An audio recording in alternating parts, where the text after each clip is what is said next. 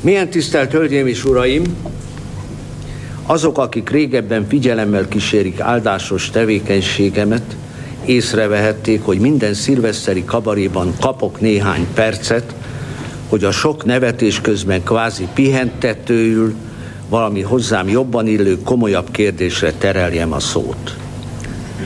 Idén is ez a helyzet. Komoly jellegű mondandóm tárgya a beigli. Abból az alkalomból hozom szóba, hogy néhány nappal ezelőtt karácsonyi számában kedvenc lapom egy kis grosszácskát közölt, melynek lényege az volt, hogy itt volna az ideje mellőzni végre a beiglivel való olcsó szellemeskedéseket. Nos, mielőtt ebben az ügyben megvédem a beiglit, eskü alatt vallom, hogy teljesen érdektelen vagyok. A beiglit bár megeszem, mélyebb vonzalmat nem tanúsítok iránta, és ünnepélyesen kijelentem, hogy a beigli nem rokonom, családi kapcsolatban vele sem diós, sem mákos ágán nem állok. Elhiszem, hogy az említett cikkecske szerzőjét nemes szándék vezette, egyrészt a beigli tekintélyét félti a humortól, másfelől a humor tekintélyét óvja a beiglitől. Legyünk őszinték, újszerű beigli viccet valóban nehéz elképzelni, éppen annyira, mint újszerű beiglit. A beigli viccek éppen olyan unalmasak, mint maga a beigli, ez sem vonható kétségbe.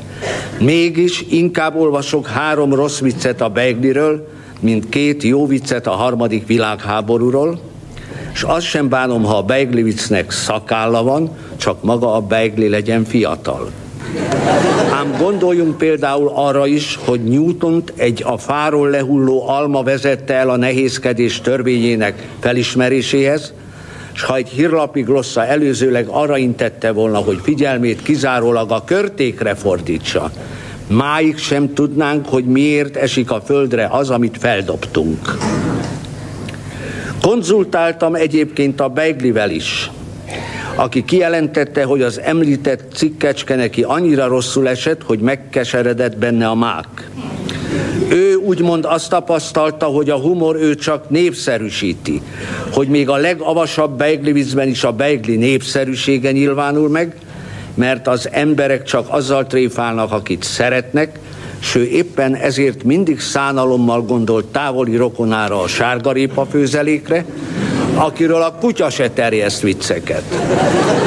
Ehhez a magam részéről még csak annyit, hogy a beigli humor kultusza jó részben a beigli szó vicces hangzásában rejlik. Személyi igazolványában a neve Mákos Tekercs, de ezen a nevén nem emlegetik mint ahogyan Krampulák ödönt a neve miatt az Isten is kabaréhősnek teremtette, ellentétben Szabó Jánossal, akinek humortalan neve egy haladó szellemi bürokratát érzékeltet. Holott Krampulák ödönben épp úgy lakozhat nemes szív és emelkedett szellem, amiként a Beigliben neve ellenére is nagyszerű jellemvonások, úgy, mint mák, cukor, vaj, mazsola és citromhéj találhatók. Együk hát bátran és szeretettel, ami karácsonyról még megmaradt.